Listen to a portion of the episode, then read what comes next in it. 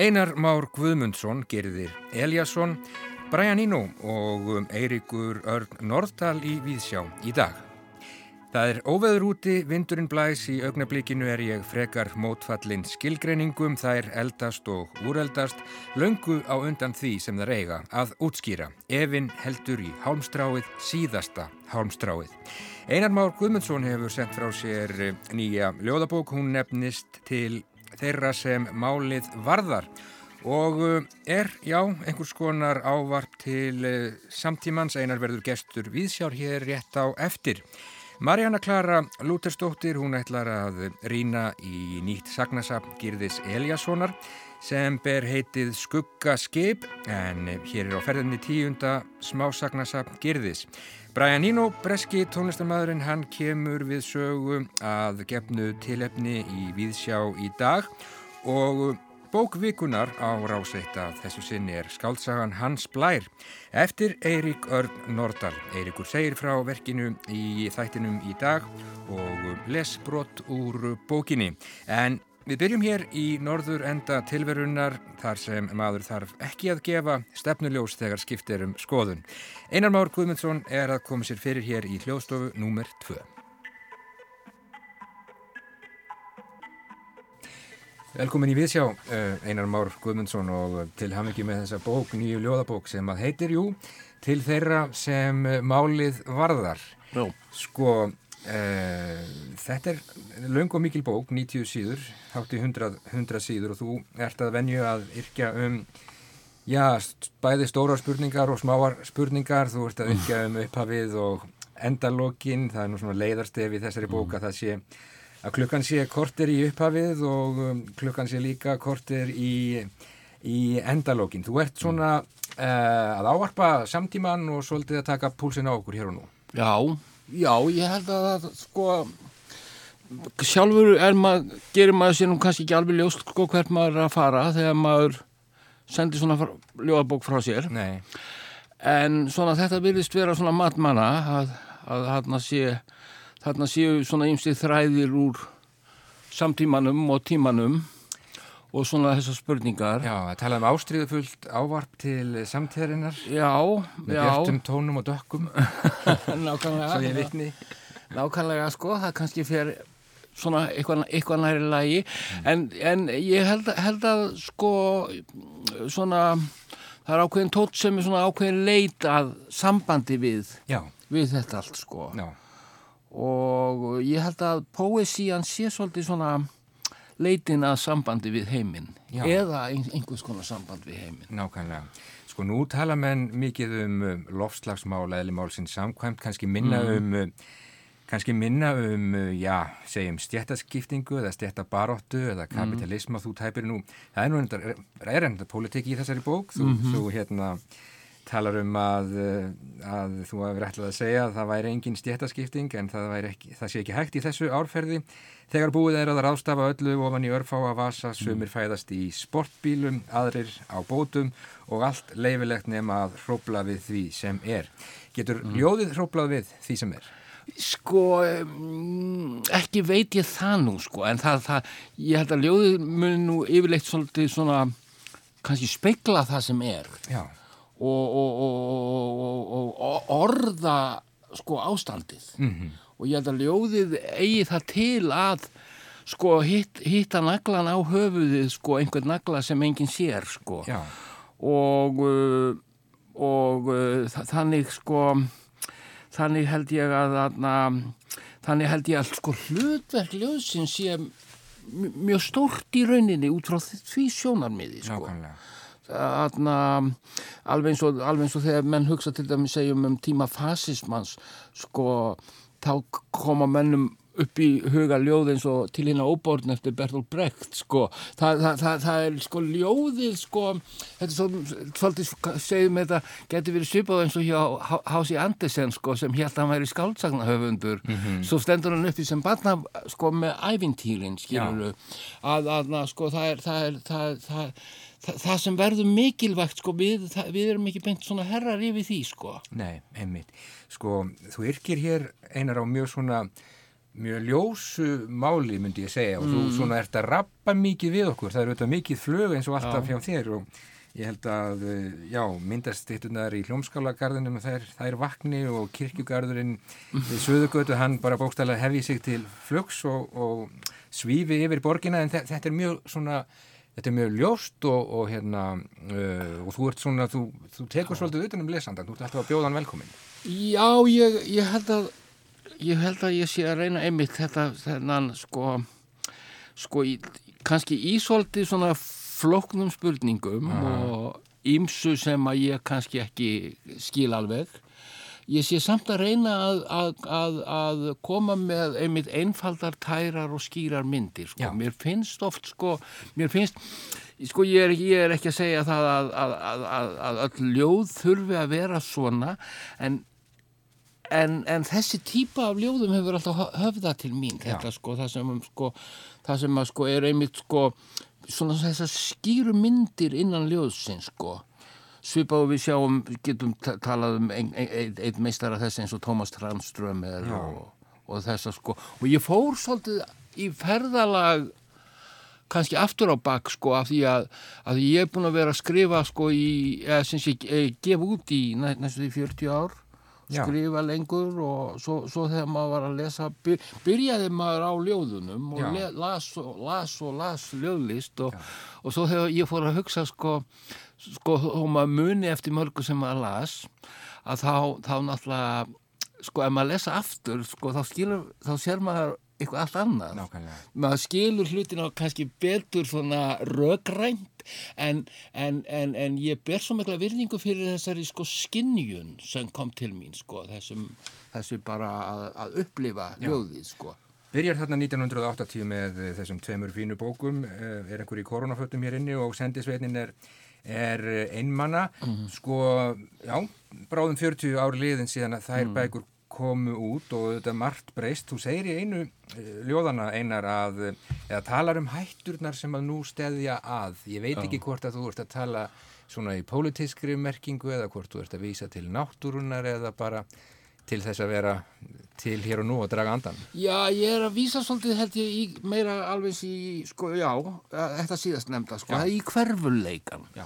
Í hverfuleikan, sko. Ég, ég, sko, ég tala um hitan sem kólnar og kuldan sem hitnar og, og, og, og ég tala um líka að, að sko Guð sé með allt og marga spámenn í vinnu og, og tólka og, og allt þetta sko og þetta er einhvers konar samræður við kannski Guðdóminn sko að einhverju leiti og, og ég er svona einhvern veginn að um, ég er svona einhvern veginn að ég held að allir tímar sko, sko þó að það- sé verið að segja okkur það núna að við lifum á alveg sérstaklega hættulegum tímum og, og allt sé á leiðinni til anskotans og, og hætturna séu gríðarlega mikla ég held samt, sko, með einhverjum hætti hefur þetta alltaf verið svona. Já, og, og sem sé þessi ótti við að sko, sko hverfa. Við uh, mannkinsins, sko, þetta virðist vera einhvern veginn byggt inn í vitundina. Erum alltaf að lifa efstu dag? Já, jú, að einhverju leiti sko. og þess vegna sko þess vegna sko finnst mér líka sko ákveðið svona sko mótvægi við þessu er sko poesían. Að poesían er svona leiðin sko inn í innihaldi sko. Við höfum þetta sko við höfum þetta sem hérna hann sá sem hann satt nú í fangabúðum fasista sem sagði sko Gramsci, Antoni Gramsci hann sagði uh, svart síni hugans, bjart síni viljans sko, það, er- það er þetta þessi, þessi dimma sem kvílir yfir en, en, en, en en einhver sko um leið sko trú á breytingar. Og þar eftir með þetta ljóð, ég hef nú oft vitnað þarna í hann William Callow sem segir sko það er fátt að frétt í ljóðum engu að síðu degja margir og ömulegan hátt vegna skorts á því sem það er að finna. Að það er auðvitað verið að tala um sko það er ekki verið að hvetja allar til þylja rýmur eða, eða svoleiðis heldur er verið að sko tala beint inn í þetta þetta innihald sem, sem, sem poesían, ljóðlistin er Já, og, og hún er hún er svona já, skiluru einhvers konar svona guðdómur í lífinum Já, en þú ert í samtali við uh, fleiri en Guð, til dæmis hinn ímsu skáld. Þarna Já. er, Þarna er Steit Steinar og þarna er Jóhann Jónsson og þarna er Já. Jóhann Sigur Jónsson og síðast en ekki síst uh, Jónas Hallgrímsson Já. og ljóðið stóði út í tungsljósi jú, sem að kemur okkar en einu sinni fyrir. Já. Já, já, og Sigfús náttúrulega, Sigfús svífur hérna alltaf yfir. Já, já, hann er ekki... Jú, jú, þetta er, þetta, þetta er svolítið eins og ég sagði þér áðan, sko, að, að, þetta er svolítið einmitt líka leitin aftur í, sko, sko, um, sko, maður líka alltaf maður er alltaf að sko, skoða hefðina og, og, og kanns, kannski að endur nýjana, mm. kannski, kannski að tengja sig við hana, já. kannski að hafna henni Guðmund skáld verða ung, segir þú? Já, já, nákvæmlega sko, það, það er eitthvað líka sem sé, þú veist, það er alltaf eitthvað að sækja í skaldin, sko, svo hefur þetta verið svolítið sko tilfinning sem hefur ásátt mig aldrei til dæmis eins og með Stein Steinar mm -hmm. sko sem að þegar ég var úlingur sko þá var það bara svona hann bara svona slangur á milli töffaran í bænum sko Já.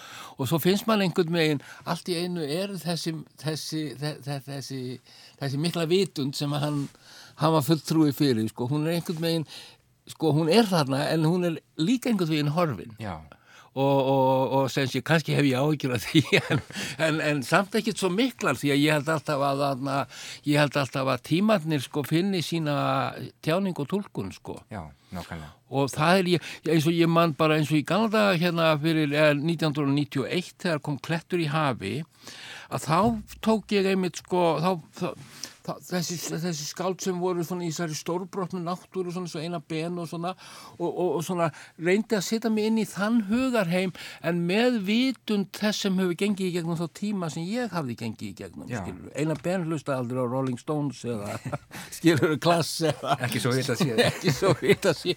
Ekki ekki nefna þá á einhverju mjög góðu plani sko sem eflustu til. Já, en þetta leiðastef í bókinni klukkan er eh, kortir í upphafið, klukkan er kortir í endalógin eða við bara skilja það hvert með sínum hætti eða, eða viltu fylgja því úr það? Ég, ég vil ekki sko, sko menn auðvið, sko að skilja allir allt held í hver með sínum hætti sko, mm -hmm. en, en ég held að svona sko, sko ljöðlínur sko þær svona þú veist, það er detta svona í hausin á manni, svona einhver stemming svo, svo byrjar hún að fá merkingu sko, Já, og, og þess vegna eldir hún svolítið svona sem stef sko, og það eru einmitt svona, svona stef og þræðir, þú sér það líka ákveðna svona, það er, það er vísanir í ákveðna sögulega tíma og, og tímabil og, og hérna þetta er svona ákveði ferðalag einmitt líka einmitt í gegnum í gegnum sko ljólistina og pósíuna og, og sko og þessa, þessa, þessa, þessa sko tjáningu sko það sem við það sem við svona reynum að finna já, hvað er maður að kalla það andan eða eða guðdómin eða eða, eða, eða þetta, einhverju mynd bara tala um kannski tóna tónlistinn í lífinu Já, eða örvæntinguna og gleðina það er, það er að segja þessi þessi, þessi, þessi huglægu hugtök sem, sem eru einhvern veginn alltaf svona líf okkar og líðan mm. en, en er mjög erfitt að höndla Já. og þess vegna er, er ákveðin áskorun að reyna að setja þetta fram í daldi einföldum og djúpum myndum Já og þarna þú minnist á tónlist svona í óeinlegri merkingu og þarna mm. er auðvitað tónlist eh, þarna er Rolling Stones þú segir að stundum sé tímindir, liðhollur og eh, þarna kemur fleira gott fólk við sögumæl Steivis og, og, og, og fleiri mm. en alltaf er nú kannski undirlikjandi ef ég má bara vitna í ljóð sem að er tiltúrlega sent í bókinni mm. þú segir þar það er óveður úti þá ágætlega við núna það ætla að vera í gæðir, vindurinn blæs Og svo segir í augnablikkvinu er ég frekar mótfallin skilgreiningum, er eldast og úreldast, löngu á undan því sem þær eiga að útskýra, efinn heldur í hálmstráið, síðasta hálmstráið. Mm. Gæti þetta ekki bara verið nokkuð góður svona kjarni í þessari bók? Jú, í, í rauninni sko, í rauninni. Ég, ég held sko að, sko sko einhvers sagði sko að sko heimsbyggi í skáldsögum sko væri eins og hafragröður í kaffi.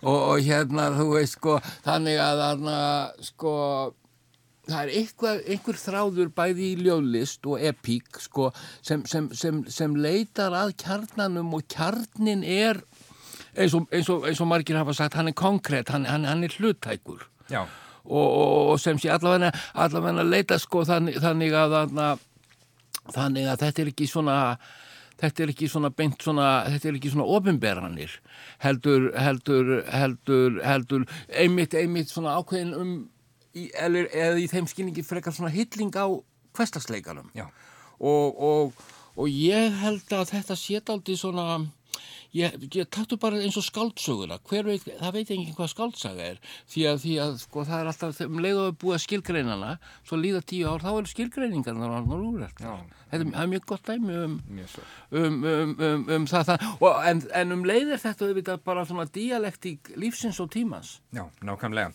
Hér er allt nýtt nema vindurinn, segir þú. Þannig að stittast í þessu hjá okkur einar þú ert með þessa bók núna og hún hefur komið út víðar, er það ekki? Jú, hún er komin á dönsku, á dönsku sko. Já, og hann þegar Erik þýðir þetta um leið og þar er mjög, mjög forveitnilegt að segja frá því að það eru myndir eftir tryggva, litografjur. Þeir eru svo hrifnir að þeir bara kolfjallu fyrir tryggva. Það er sko sami, það er vinnur, vinnur minn sem er dansk skáld og eitt að helsta skáld dana, Peter Polsen hann uh, útgefandi var í heimsónd hjá honum og sá Trygg hann, og Petur og Tryggvík voru mjög náni vinnir mm. og sá þessa myndir og, og, og baðum leiði til að sitja þér í dönskapóknum og það finnst mér líka að vera mikil sko gaman að geta heiðra minningu Tryggva, við vorum mjög góði vinnir og, og hann var með skemmtilegri mönnum sem fæst á Íslandi Heldur Bötur, mjög fallegt og til hammingi með þetta og til hammingi með uh, þessa bók til þeirra sem að málið varðar. Ég vona hún rætti bara sem víðast. Viltu kannski lesa fyrir mig eitt ljóð í lókin, einar? Viltu velja ljóð? Ég get alveg gert það en... um, vi, við byrjum bara byrjun eitt og, og svo látum við hlustendum eftir að halda áfram. Nákvæmlega, gjör svo vel. Taktu himinin og hengdan út í glukka. Ef Guð fyrkir með ertu heppin, en alls ekki óheppin ef hann fór eitthvað annað. Þá kemur hann bara setna. Ég reyni að toga orðin út úr auðninni, rigningunni og þokunni, en úti er hvert hitamett slegið, um hvað er verið að metast. Mér skilst að þetta snúist allt um ljós, það var hér í upphafi og er hér enn, en bráðum fer að dimma þá byrtir yfir okkur. Í upphafi var orðið, en hvað var á undan orðinu? Annað orð, önnur rödd, fábrotin eins og regnið á gödunum, markbrotin eins og regnið á gödunum, eins og sú sem er núna, sú sem fer bráðum, sú sem kemur og sú sem fer. Takk kærlega fyrir þetta Einar Már Guðmundsson. Þetta var fyrsta ljóðið í þessari bók til þeirra sem málið varðar. Svo halda hlustendur bara áfram að lesa heima fyrir hvort sem að vindurinn blæs eða ekki. Ég segi takk fyrir komuna í Víðsjá og til hamingi með bókin og gangerast. Takk.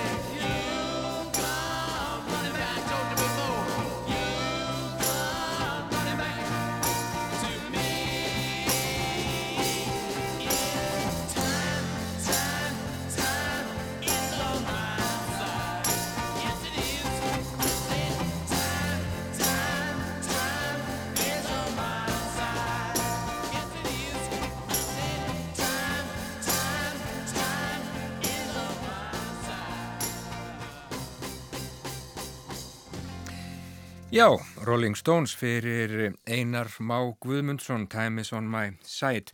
Tímin er mér hliðhollur, stundum er tímin mér hliðhollur, eins og í læginu hérnaðum árið, yrkir Einar í þessari nýju bók til þeirra sem málið varðar. Ég ætla að opna hjarta mitt eins og bók sem enginn hefur lesið yrkir einar líka í þessari bók og margt má finna þarna fleira. Á næsta ári eins og framkom hér áðan 40 ár liðin frá því að fyrstu ljóðabækur einars komu út. Sendisveitnin er einmanna og er einhver í koronafötum hér inni príðilegir titlar og já, bækur sem að slóu nýjan tón í íslenskri ljóðlist. En eh, við ætlum að halda okkur við nýjar bækur. Girðir Eliasson hefur um langt árabil verið í hópi fremstu réttöfunda þjóðarinnar. Hann sendi á dögunum frá sér sitt eh, tíunda smásagnasapn. Það nefnist Skuggaskip og Marjana Klara Lútersdóttir, hún er búin að lesa. Skuggaskip er tíunda smásagnasapn Girðis Eliassonar og sver sí ætt við fyrir smásögur hans sem og höfundaverkið allt. Hér má finna naflausar manneskjur sem stríða við ímiskonar tengslarof, óhamingju og tilgangsleysi, reytuðundar sem ekki geta skrifað, hjón sem ekki ná saman, manneskjur sem finna óræðan óhugnað í hverju skrefi. Við upphafsögu ætla personur gerna að hefjast handa við tilteki verkefni, en atvig sem oftar en ekki virðist léttvægt verður til þess að draga úr þeim allan mátt. Það er svo lesandans að ákveða hvort personan hefði einhver tíman klárað verkið eða hvort atvikið var aðeins skálkaskjól og raunveruleg rót vandans lá allan tíman hjá personunni sjálfri og getuleysi hennar. Þetta getuleysi manneskunar gagvart umhverfi sínu, örlugunum, en ekki síst sjálfri sér, læðist inn í flestar sögurnar og minni lesandan á hversu smá við öll erum í stóra samhenginu.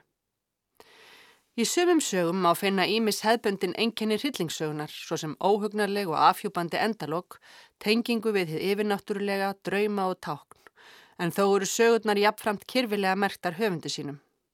Draumar koma raunar víða við sögu, ímis dreymir fólk skelvilegar martraðir, óþægilega drauma eða alls ekki neitt. Fæstir vakna endurnærðir eftir góðan nætisvefn. Jafnvel sá sem dreymir tilbrytingarlösa drauma þólir ekki við. Maðurinn í völundarsmíði er orðin langþreyttur á tíðindarlausum draumum sínum og smíðar því vel sem hann tengir inn í drauma annara. Það reynist hann þó fara úr öskunni í eldin og það kvarlar að lesandanum að hann hafi mögulega ratað inn í einhverja martröðuna hjá öðrum personum bókarinnar. Draumar eiginmannsins í þulunni eru líka slæmir en þeir stafa þó af bölbænunum sem eiginkonan kvíslar í eira hans meðan hann sefur. Stundum er óljóst hvar draumurinn endar og veruleikin byrjar og oft eru draumarnir tengdir hinnu yfirnáttúrulega eins og í hryllingssögunni þar sem eiginkonan missir fóstur eftir flutninga í nýtt hús með óþægilega gulum stegagangi og sömuleiðis í vögunætur þar sem sögumadur vaknar ítrekkaðu miðjarnætur við sáran barskrát eftir að hann og konunans flytja inn í nýtt hús. Ný hús eru sannlega varhuga verð ef eitthvað er að marka skuggaskip og nýjar íbúðir sömu leiðis, en þau eru gerðnan full af draugum og gömlum sorgum og í næstu húsum leynast vafasamir nágrannar. Ný heimili koma við sögu í einum sex sögum og í öllum þeirra reynist fluttningurinn ekki hafa verið til góðus, hvort sem um er að ræða einhverja ímyndaða eða raunverulega ógn eða bara óþægilega tilfinningu verða afleðingarnar ávalt slæmar. Sögumadur Girðis er gjarnan karlmaður og oft einstæðingur en í skuggaskip koma fyrir þó nokkuð mörg hjón eða pör. Það eru þó sjálfnast ástir samlindra hjóna sem Girðir leitast við að lýsa. Kunnuleg þemu svo sem einmannaleiki og fjarlæð ganga einni aftur hér en það eru gömul sannindi og ný að fólk getur verið jafn einmanna í hjónabandi og einsamalt. Börn eru almennt fjárberandi, af góðu eða illu. Þau eru ímist uppkominn, látin, fættust aldrei eða eru sögumadurinn sjálfur í endurlitum sem segja ljóta sögu af misnótkun eða vanrækslu. Smásögurnar eru flestar stuttar, sumar aðeins brot, en Girðir hefur slíkt vald á forminu að hann þarf ekki margar setningar til að skapa heimsinn. Sögurnar eru margar og vissulega misjafnar að gæðum, en er bestu hljóta að teljast með því betra sem frá höfundinum hefur komið.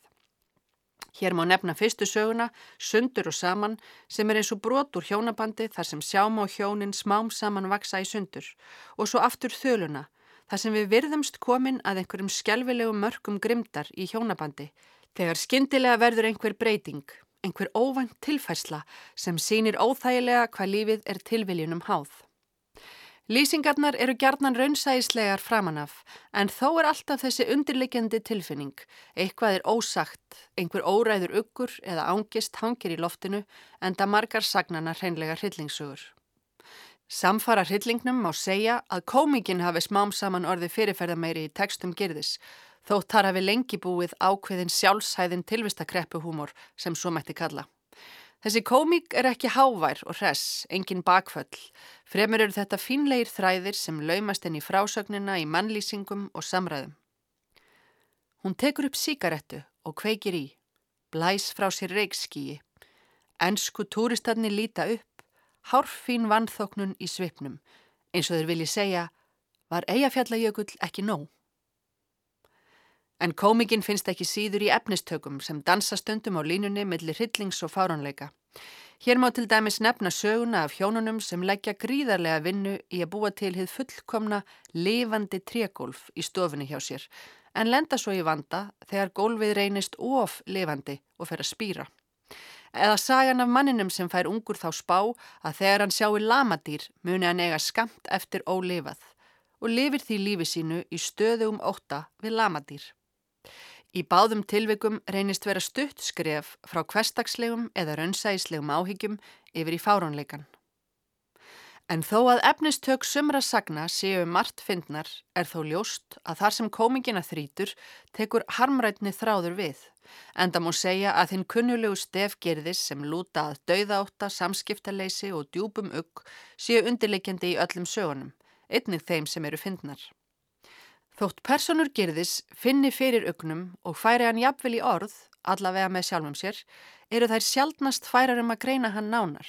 Hann er óljós. Lesandin deilir þessum ugg með personunum og á sífælt von á hinnu versta þegar hann flettir blaðsíðunum, ánþess þó að það sé alveg ljóst hvað það versta gæti verið. Kanski einmitt þess vegna eiga personurnar erfitt með að horfast í augu við óttan. Það er næsta vonlust að reyna að snúa kvikindi á borð við óþægilega tilfinningu niður á hodnanum. Uggurinn getur kviknað við hverstagslegustu atvik, en það segir á blæsi 137, eins og sjálfur Götes sagði svo eftirminnilega, er það nákvæmlega í háska leysinu sem hætturnar geta dölist. Einn af helstu kostum gerðis sem höfundar er að hann gætir sín yfirleitt á að segja ekki of mikið. Hann veit sem er að óþægilegur tótt þrúandi andrumsloft og alltið ósagða vekja hjá lesandanum miklu sterkari viðbröð en það sem er skrifað reynd út. Hann blekkir lesandan með því að lýsa nákvæmlega ákveðnum smáadriðum en skilur svo eftir eyður í heildarmyndinni. Í bestu sögunum í er hann að ykkuru stígur skref tilbaka og lætur bæði personur frásagnana og lesandan rína í þessar eyður með ugg í brjósti. Skuggaskip er bók af því tæginu sem aður leggur frá sér til þess eins að rífa hana strax upp aftur, ímist til að endurlesa einhverja sögu eða lesa bara eina í viðbútt. Sagði Marjana Klara Lúterstóttir um Skuggaskip, nýtt smásagnasafn eftir Girði Eliasson það tíunda í röðunni. En eh, við skulum halda annað þetta er splungu nýtt á getu hlustendur.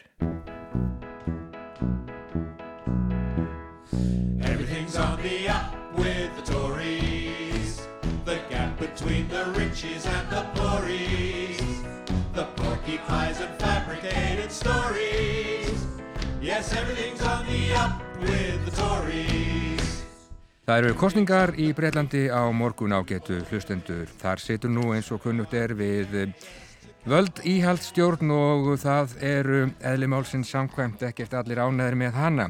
Eitt þeirra sem hefur gaggrínt stjórnina og lísti yfir stöðningi við Jeremy Corbyn, leðtoga breska verkamannaflokksins, er breski tónlistamæðurinn Brian Eno og hann hefur nú sendt frá sér lag þar sem hann hæðist að íhaldstjórninni það er vekt til orðatekið og íhaldsflokknum. Everything's on the up with the Tories, allt er á uppleið hjá íhaldsflokknum, byllandi gangur hjá íhaldinu.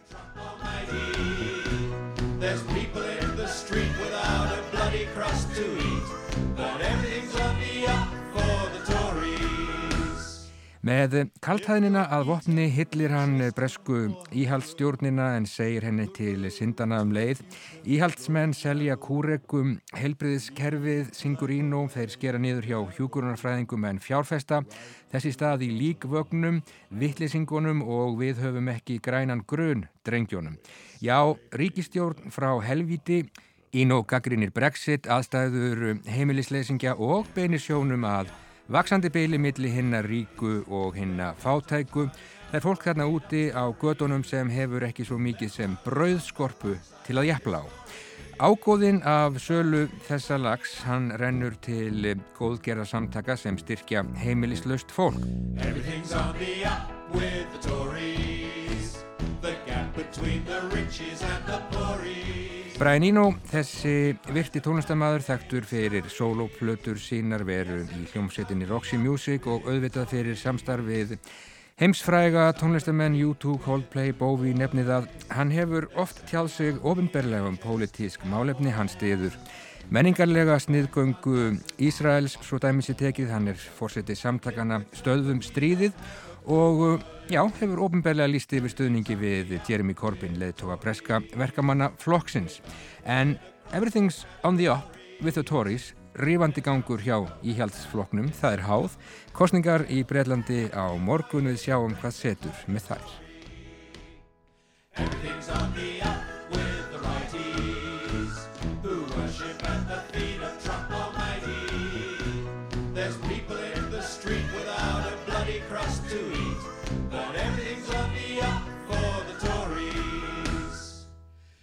If you're Eton, Winchester, or Harrow, the road to the future, though narrow, leads like a well aimed arrow right to the bottom of the barrel.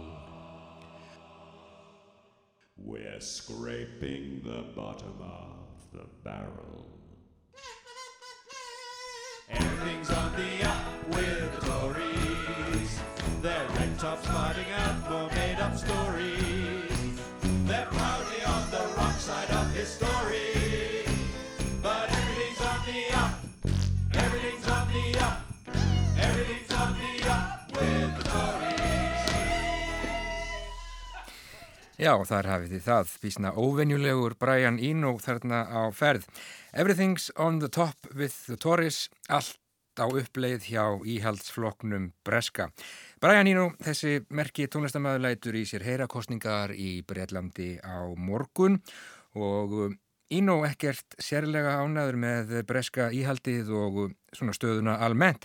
Þetta er nú ekki lag sem að ég myndi nenna að hlusta á í heilt kvöld. Ég myndi hygglaust velja eitthvað annað lag eftir Brian Eno. En Ég ætla að spjalla við hann Eirik Örn Nordal hér rétt á eftir bókvikunar hér á Ráseitt. Á þessu sinni er Hans Blær. Verk sem að kom út í fyrra þar kynnast lesendur persónu sem er allt í senn algjörlega óalandi, óferjandi og óþólandi. Mér um það hér rétt á eftir en eftir allan stormin og djöfulgangin í veðrinu í gær er held ég tímabært að halla sér aftur og láta hugan reyka, kannski bara fara lengst út í geim. Árið er 1939 en tungskinnið er enn það sama. Það er tími fyrir svo sem eins og eina serenuðu og þá af dýrari tæginu.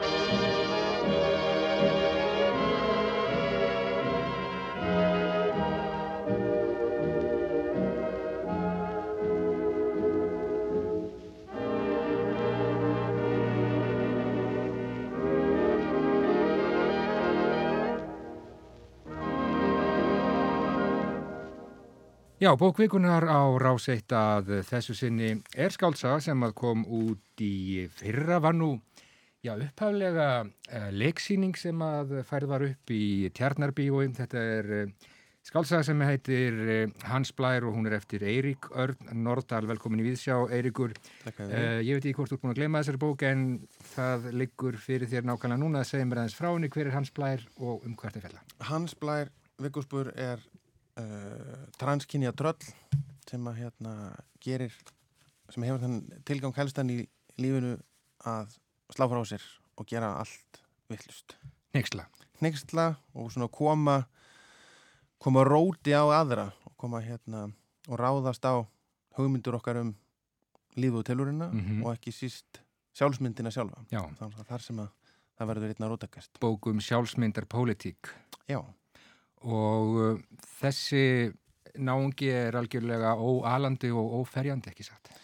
Jú, alveg, alveg fullkomlega og, og, hérna, og þólandi kannski og, og viljandi. Það allt saman sko. Ég held að -hmm. hérna, það hérna, maður er nú svo sem ekki nema nokkra klukkutum að lesa bókin en ég var að verða vittlurs á hán eftir þryggja ára sambúð. Og hérna var eins og helina mér ég væri, væri að gefast upp bara. Og varðist að byrja á nýri bók strax. Já, ég gerði það. og gerði það. Já. Já.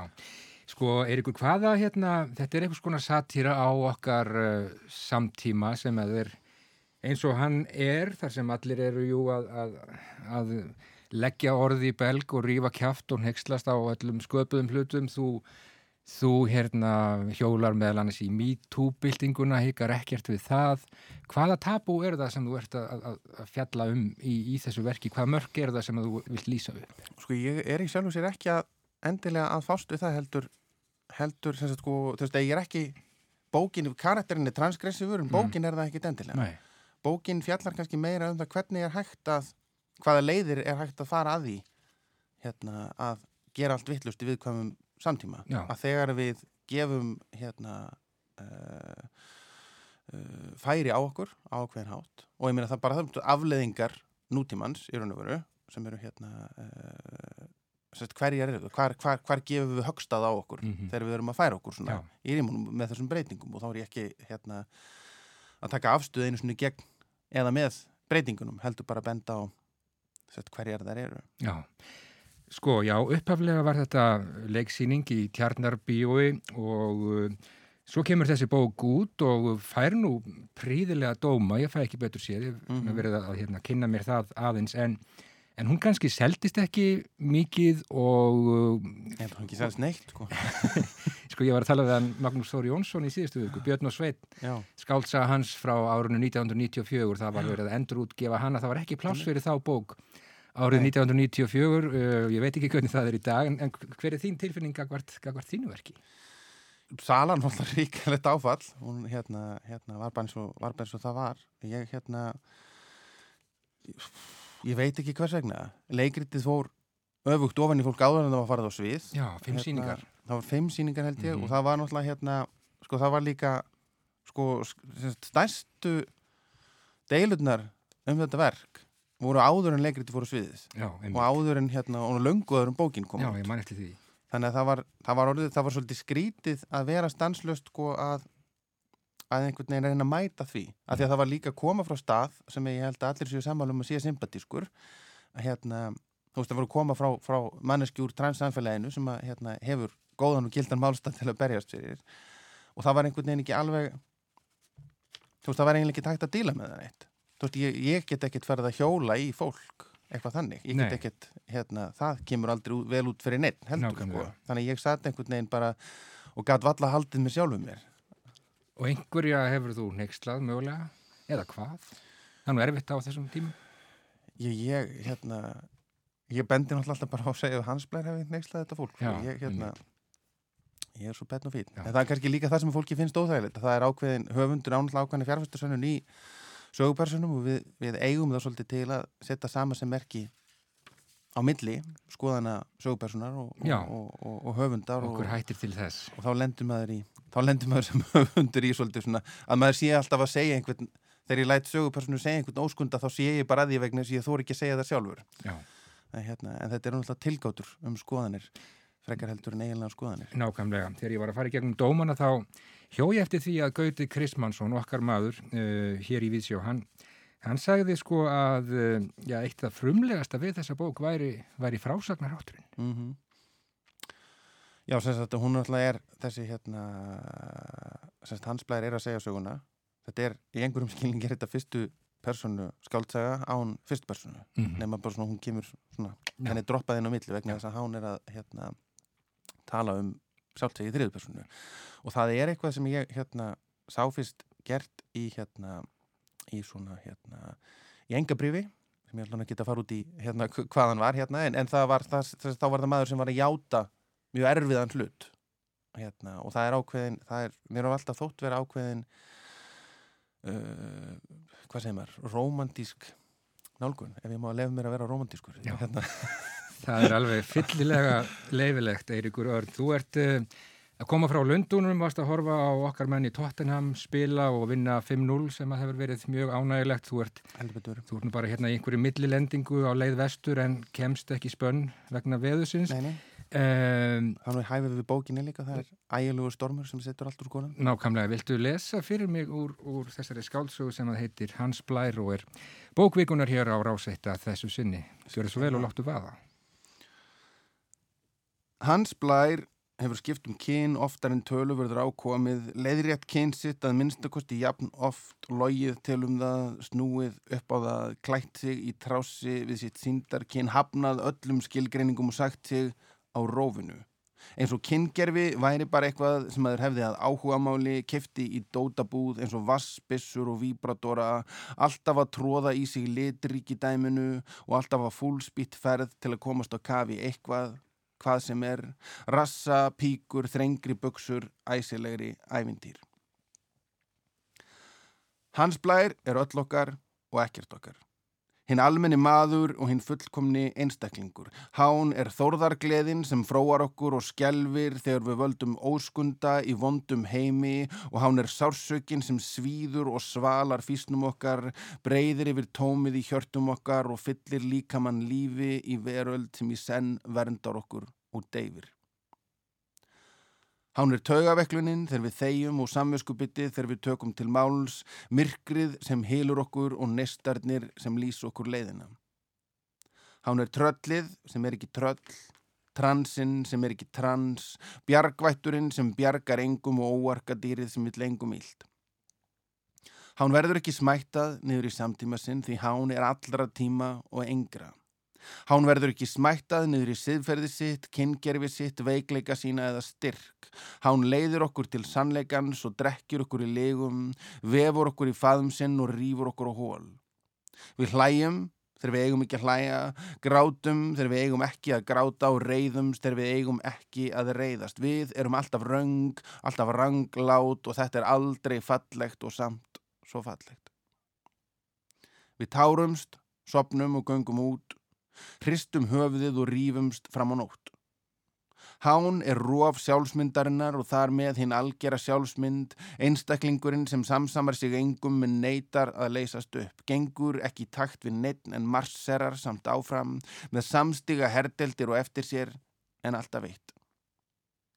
Hán er hitt higandi skref og hinn styrka hönd, sá máttlausasti meðalokkar og sú sem römmust er að afli. Hán er hán, hann og hún, þeir, þær og þau, ég og þú og þið og umfram allt annað, hán er við og engin, skrifar hán. Hans Blær er tíundu aldar vikingur, elleftu aldar landnámsmaður, tóltu aldar þrælarsæli, þrettándu aldar höfðingi og landráðamaður, fjórtándu aldar seðkarl og guðlastari, fimmtándu aldar kathólskur prestur, sextándu aldar lúterskur prestur, sautjándu aldar alkoholiserað sálmaskáld, ger spiltur átjándu aldar aðalsmaður, manngerðin sem getur frængum sínum börn og lætur kasta föður sínum fyrir hundana, upp á sportið af því að það er hlægilegt að horfa á Karl helvítið væla.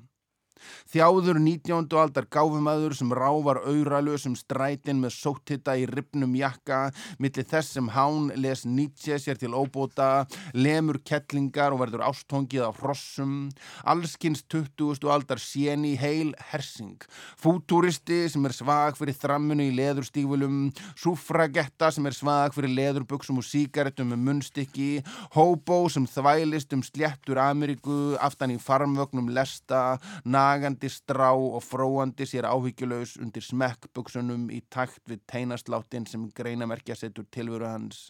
Stúlka í stuttum kjól sem kann sér ekki hóf, síðarður strákur með dólg, barn sem vakir meðan druknir foreldraða stunda makaskipti með nágrununum í stofunni, útgerðar maður á vjelbáti, kvótakongur yfir skut, tógar að flota, bladamæðurinn, rítöfundurinn, málarinn, símalandi intelligensjan og umfram allt annað 20. og 1. aldar manneskja. Sjálf tómstundaveran, dundarinn, lífsfyllingar leitandi hipsterinn sem sökver sér í matrislu, ljóðlist, hjólreiðar, troll, húsgagnasmíði, AA, samtökin, gráa, fyrringin, kraftliftingar, koktelagerð, samkeppnis, móralistinn sem er alltaf aðeins betri. Jáfnvel betri í að vera betri, meira fórnarlamp en aðrir, meiri sigurvegari en aðrir, meira, meira en aðrir og meira minna en aðrir, gangandi og blæðandi sjálfskaparvíti úr kvíða og losta og vittneskinu um að hán er yfirburða, stendur öllum öðrum mannvörum sem á undan hánum komu framar og hefur engan tilgang annan en að ringsóla akkerislaust um aðdráttaraflið í sjálfu sér. Takk fyrir þetta, Eirikur Örn Nordal, þetta var hressandi, ég segi bara takk fyrir komuna í Víðsjá. Góða ferð vestur á Ísafjörð og já, jú, ég þarf að fara að heimsækja þig. Takk fyrir komuna. Takk fyrir mig. Takk. Já, Eirikur Örn Nordal að lesa úr skáldsögunni um Hans Blæ sem kom út í fyrra bókvikunar á ráseittað þessu sinni. Gestir auðar aðsteinstóttur í þættinum á sunnudag verða bókmyndafræðingarnir Ásta Kristín Benediktsdóttir og Sofja Auður Birgisdóttir. Og kannski rétt að geta þess úr því að við myndumst lítilega á veðrið í viðtælunum hér áðan að það var tekið í gær þegar Eirikur var veðurteftur í borginni Á leiðinni vestur á Ísafjörð en ekki hvað vonandi er hann komin í heila höfn nákvæmlega núna. Ég veit fyrir vist að hann er búin að skrifa nýja bók og ég held að hún komi út í vor. En svona ætlum við að ljúka viðsjá í dag, viðsjá hér aftur á sínum staðlaust eftir klukkan fjögur á morgun. Teknimaður í þessari útsendingu engin annar en Georg Magnússon. Takk fyrir samfélgina í dag. Verðið sæl.